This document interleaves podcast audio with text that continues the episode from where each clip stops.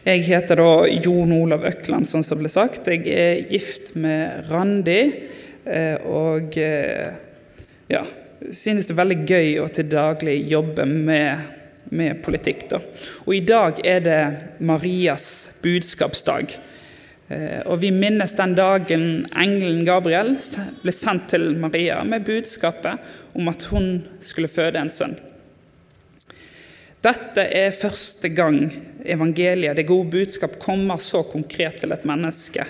Eh, og dermed så er det jo en begivenhetsrik eh, hendelse. Det er imidlertid ikke denne hendelsen tekstlesingen i dag er hentet fra. Vi skal lese fra en hendelse som skjedde noe senere. Eh, la oss ta og reise oss for å lytte til Guds ord, og så leser vi fra evangeliet etter Lukas, kapittel 1, og fra vers 39. Noen dager senere dro Maria av sted og skyndte seg opp i fjellbygdene til byen i Judea hvor Zakaria bodde. Der gikk hun inn til Elisabeth og hilste på henne. Da Elisabeth hørte Marias hilsen, sparket barnet i magen hennes. Hun ble fylt av Den hellige ånd og ropte høyt. Velsignet er du blant kvinner, og velsignet er frukten i ditt mors liv. Men hvordan kan det skje at min Herres mor kommer til meg? For da lyden av din hilsen nådde mitt øret mitt, sparket barnet i magen min av fryd. Og salig er hun som trodde, for det som Herren har sagt henne, skal gå i oppfyllelse. Vær så god, sitt.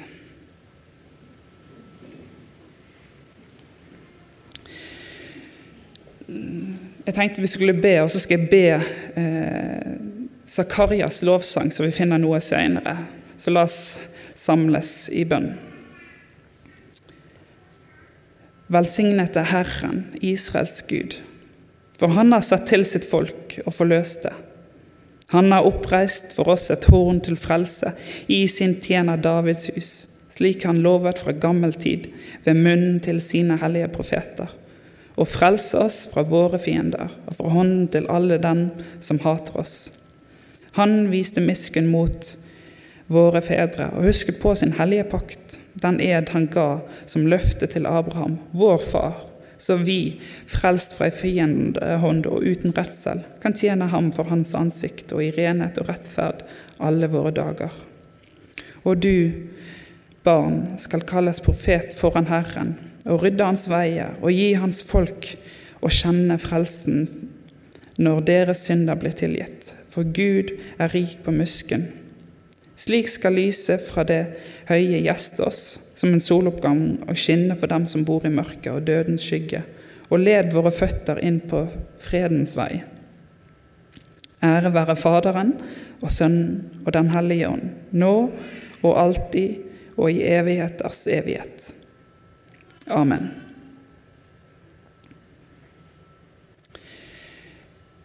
Etter videregående så begynte jeg på Fjellheim bibelskole i Tromsø. Og Under oppholdet der så bestemte jeg og en annen av bibelskolestudentene oss for å lære oss en av bøkene i Bibelen utenat. Vi hadde selvinnsikt nok til å forstå at det måtte bli en av de kortere brevene. Eh, og valget falt på første Johannes brev. Jeg skal være tydelig på at jeg, jeg, jeg kan, ikke, kan ikke første Johannes i dag, da. Men i løpet av den prosessen med å lære meg eh, det brevet utenat, så fikk jeg ny innsikt. Eh, og jeg, jeg, har lyst til å dele en av de opplevelsene jeg fikk eh, med dere litt senere. For når jeg leste i detalj et av versene som sto der, så kunne ikke jeg tro at det var sant. Det kunne ikke være sant. Det måtte være en feil. Eh, enten fordi at, at det, det, var skjedd en feil i oversettelsen, eller, eller, at det var en eller annen tolkningsfeil her. Eh, uansett kunne det som sto der, ikke være sant. Det ville stride mot alt det jeg var opplært til i søndagsskole, bibelundervisning og kristendomslære. Og Jeg er jo delvis vokst opp her, da, så, så da, da det, det, Jeg forsto ikke at, at det kunne være riktig, det som står der. I lys av den opplevelsen eh, ser jeg nå i ettertid at jeg manglet eh, noe som evangelisten Lukas hadde. Og Jeg skal komme tilbake til det ene verset i 1. Johannes brev noe senere. Men først vil jeg peke nettopp på, på noe som Lukas hadde, som jeg manglet da jeg leste det. Eh, ja. For, for når jeg leste det, så, så, hadde ikke jeg tatt med meg bakgrunnen. Eh, og Derfor har jeg lyst til å ta med bakgrunnen for søndagens, søndagens lesetekst i dag. Eh, fortellingen om da Maria besøkte Elisabeth, og bakgrunnen for den. For Lukas er en dyktig formidler når han skriver evangeliet sitt. Etter tradisjonen så var legen Lukas en nær medarbeider av Paulus. Han var språklig dyktig og trolig godt utdannet jøde. Han kjente jødisk tradisjon, jødisk historie, kultur, og begynner hele fortellingen med å dra en parallell til et gammelt ektepar vi finner tidligere i Bibelen. Det er tydelig at han prøver å vise en sammenheng her. Zakaria og hans kone Elisabeth var på samme måte som Abraham og Sara barnløse.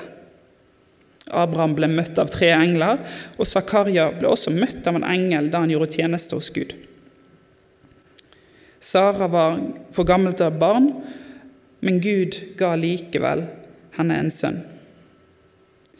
Og det er her hele historien til israelsfolket starter.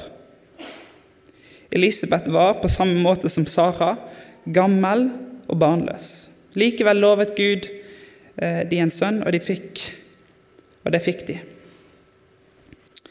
Og til og med sånn som vi ba nå innledningsvis, så lovpriser, når Zakaria lovpriser Gud, så nevner han konkret Abraham. Lukas antyder her at Gud, på samme måte som tidligere, nok en gang skal gjøre noe stort. Ved å peke tilbake på Abraham, eh, som fikk sønnen sin Isak, så formidler eh, Lukas at nå, nå må leseren, nå må, nå må, de som hører etter, følge med. De må spisse ørene. Nå er det noe, noe spesielt som skjer her. Følg med.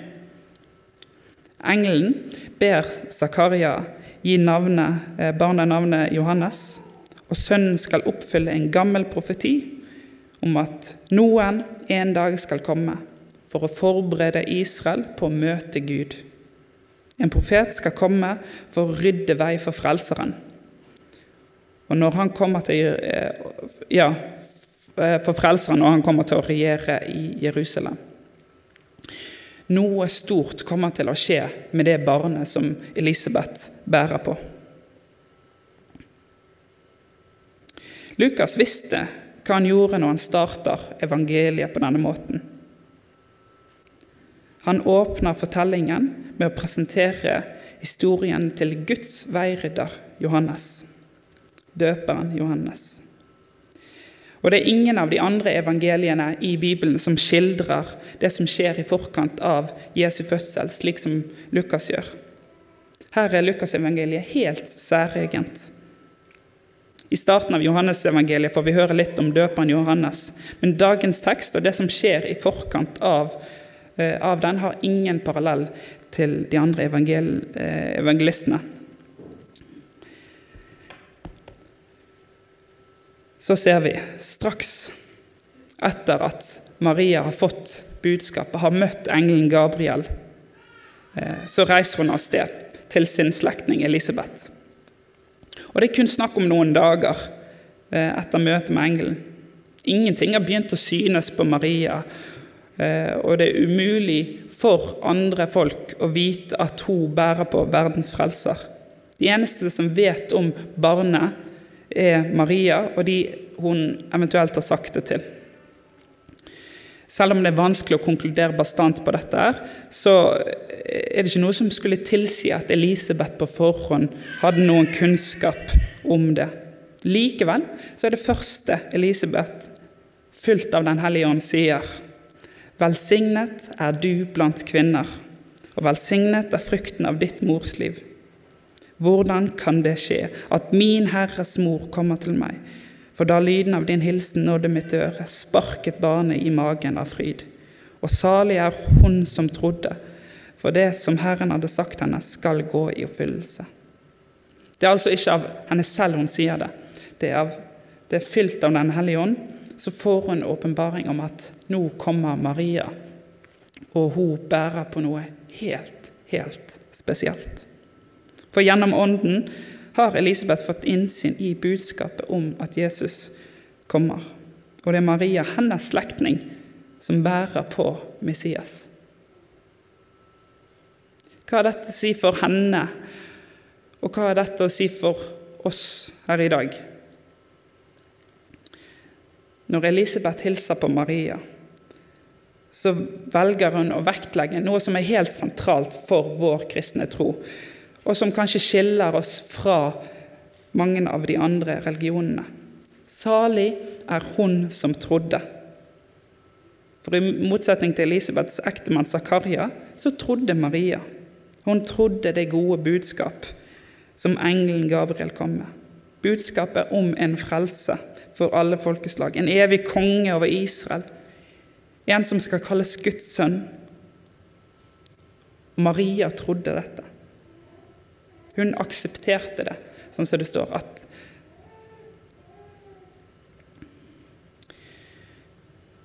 Når jeg på, på Fjellheim i, i, Tromsø reagerte sånn voldsomt på dette ene verset som sto i 1. Johannes brev, så hadde ikke jeg gjort det som Lukas gjorde når han forteller historien om Maria.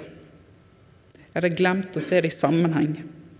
Jeg hadde glemt å ta med helheten i det som skrives, og at det må ses i lys av Guds ord og hva som er skrevet tidligere både i samme bok, men òg helheten i, i, Guds ord, i Bibelen.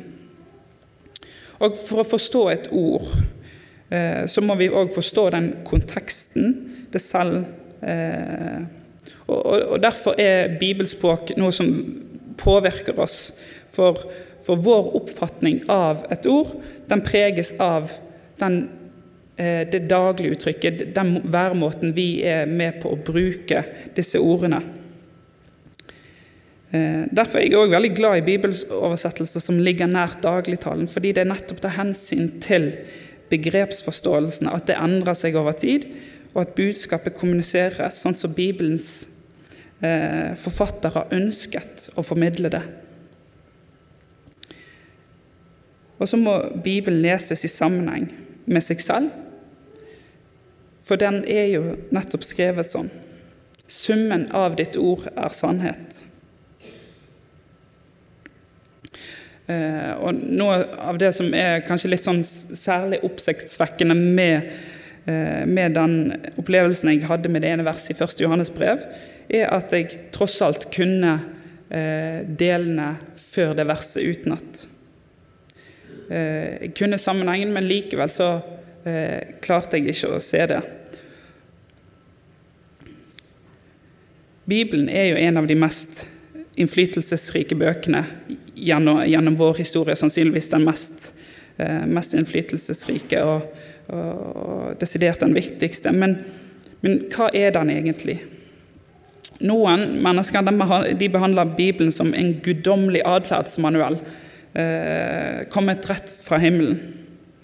Andre de bruker han som en teologisk ordbruk, skrevet for å svare på spørsmål Eh, man måtte ha om Gud. Andre behandler Bibelen som en åndelig godtepose, der man kan ta ut enkeltsitat og inspirerende historier, og gjerne klistre det eh, på et fint sånn bakgrunnsbilde. Men tingen er at Bibelen ikke er skrevet som en teologisk regelsamling eller en guddommelig ordbok eller en samling av inspirerende fortellinger og historier. Men hva er den? En måte å finne ut det på er å åpne Bibelen på første side og lese de første ordene som står der, i begynnelsen. Så går du til siste kapittel i Bibelen og leser Og de hersket som konger i all evighet. Bibelen den forteller oss en historie fra begynnelsen til slutt om Gud som har gitt mennesket makt til å forvalte, regjere over jorden sammen med ham. Den forteller om at vi mennesker ødelagte dette partnerskapet med Gud, og hvordan Gud gjenoppretter dette hellige samfunnet gjennom Jesus. Det er altså én historie, men det er mye som skjer mellom permene. Mange fortellinger, mange karakterer, hele 66 ulike bøker. Og det er flere gjentagende budskap i Bibelen. Pakten Gud gjør med mennesker, er et av de.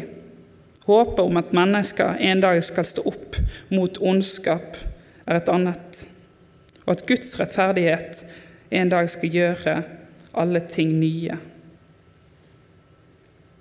Og alle disse budskapene kulminerer i fortellingen om Jesus. Han er det ene mennesket Bibelen bygger opp om. Han bygger opp om en fortelling om en frelser som kommer. En spire fra David, en konge, en Messias. Jesus er ikke bare den røde tråden alt peker mot. Jesus er høydepunktet for Bibelens fortelling. Og i dag så står vi ved et veiskille. I dag er det Marias budskapsdag. Nå oppfylles endelig profetien. Vi kan lese fra Jeremia 23. Se, dager skal komme, sier Herren, da jeg, eh, da jeg reiser opp en rettferdig spire fra David. Kongen skal regjere med visdom og gjøre det som er rett og rettferdig i landet. I hans dager skal Juda bli frelst. Eller Jesaja 53. Hvem trodde, det, trodde budskapet vi fikk? Hvem ble Herrens arm åpenbart for? Han skjøt opp som en spire for hans ansikt, som et rotskudd av tørr jord. Og videre. Sannelig, våre sykdommer tok han på tok han. Våre smerter bar han. Vi tenkte, han er rammet, slått av Gud og plaget men han ble såret for våre lovbrudd, knust for våre synder. Straffen lå på ham, vi fikk fred, og ved hans sår ble vi helbredet. Og fra første Mosebok 3, når Gud forbannet slangen og viser til at det er en fra kvinnens ett, Jesus, som skal ta knekken på Satan. Jeg vil sette fiendskap mellom deg og kvinnen, mellom din ett og hennes ett. Den skal ramme ditt hode, men du skal ramme dens hæl. Oppbygningen fra hele Det gamle testamentet peker mot én ting. Israelsfolkets utallige feilskjær og en Gud som på gjentatte ganger viser sin godhet mot et troløst folk,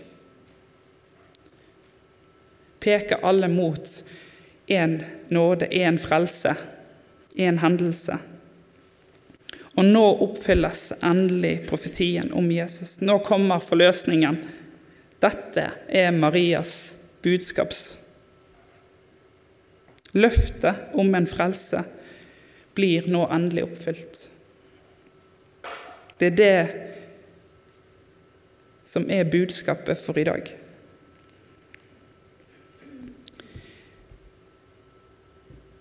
På Fjellheim bibelskole eh, skulle jeg lære meg eh, dette første Johannesbrevet utenat sammen med annen student. Og det, og det, klarte vi også.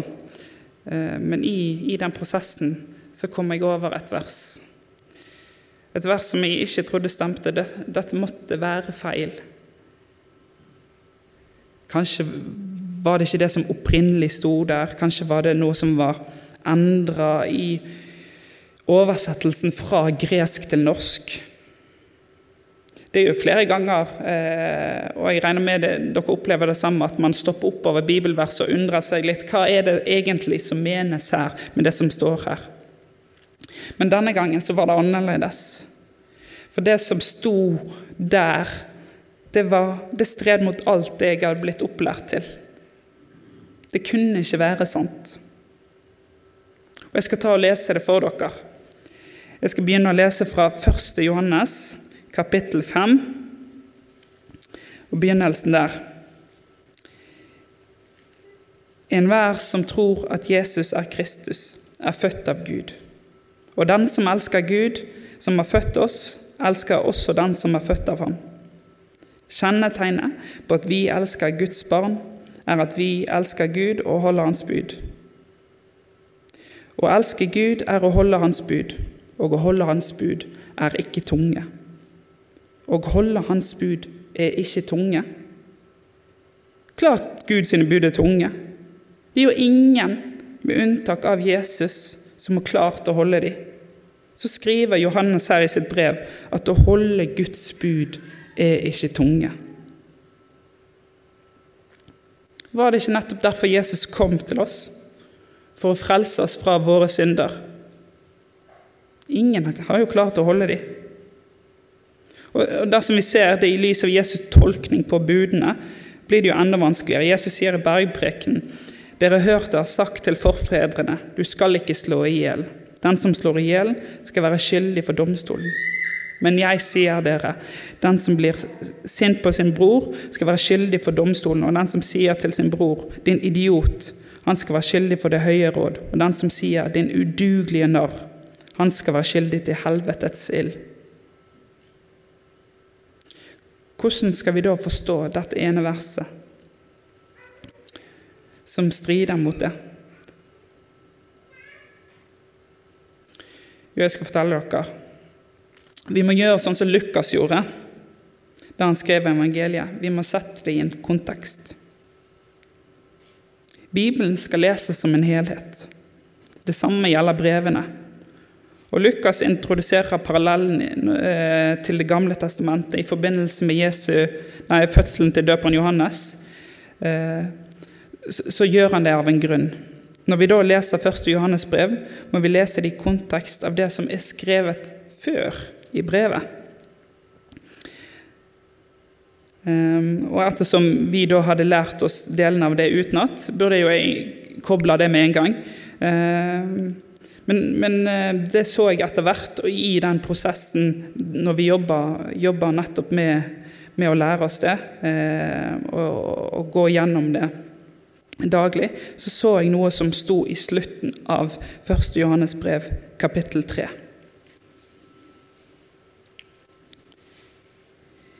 Mine kjære, dersom vårt hjerte ikke fordømmer oss, kan vi ha frimodighet overfor Gud. Og det vi ber om, eh, og det vi ber om, får vi av ham. For vi holder fast, for vi holder Hans bud og gjør det som er godt i Hans øyne. Og dette er Hans bud. Vi skal tro på Hans Sønn Jesu Kristi navn og elske hverandre slik Han bød oss. Og dette er Hans bud. Vi skal tro på Hans Sønn Jesu Kristi navn og elske hverandre slik Han bød oss. Guds bud, det er en gave til oss. Vi kan få tro på Hans Sønn Jesu Kristi navn. Det er ikke noe vi må prestere, klare eller mestre av våre egne evner. Det gis i nåde, helt ufortjent. Og det er ikke noe tungt. Det er fullbrakt. Synden er sonet. Alt er gjort. Nå er budet. Tro ham. Men betyr det at vi fortsatt, kan fortsette å synde slik at nåden blir enda større, slik som Paulus spør? Slett ikke. For hvordan kan vi som døde bort fra synden, fremdeles leve i den? Vi vet at vår, vårt gamle menneske ble korsfestet med ham for at den kroppen som underlagt synden, skulle tilintetgjøres, og at vi ikke lenger skulle være slaver under synden. For den som er død, er befridd fra synden.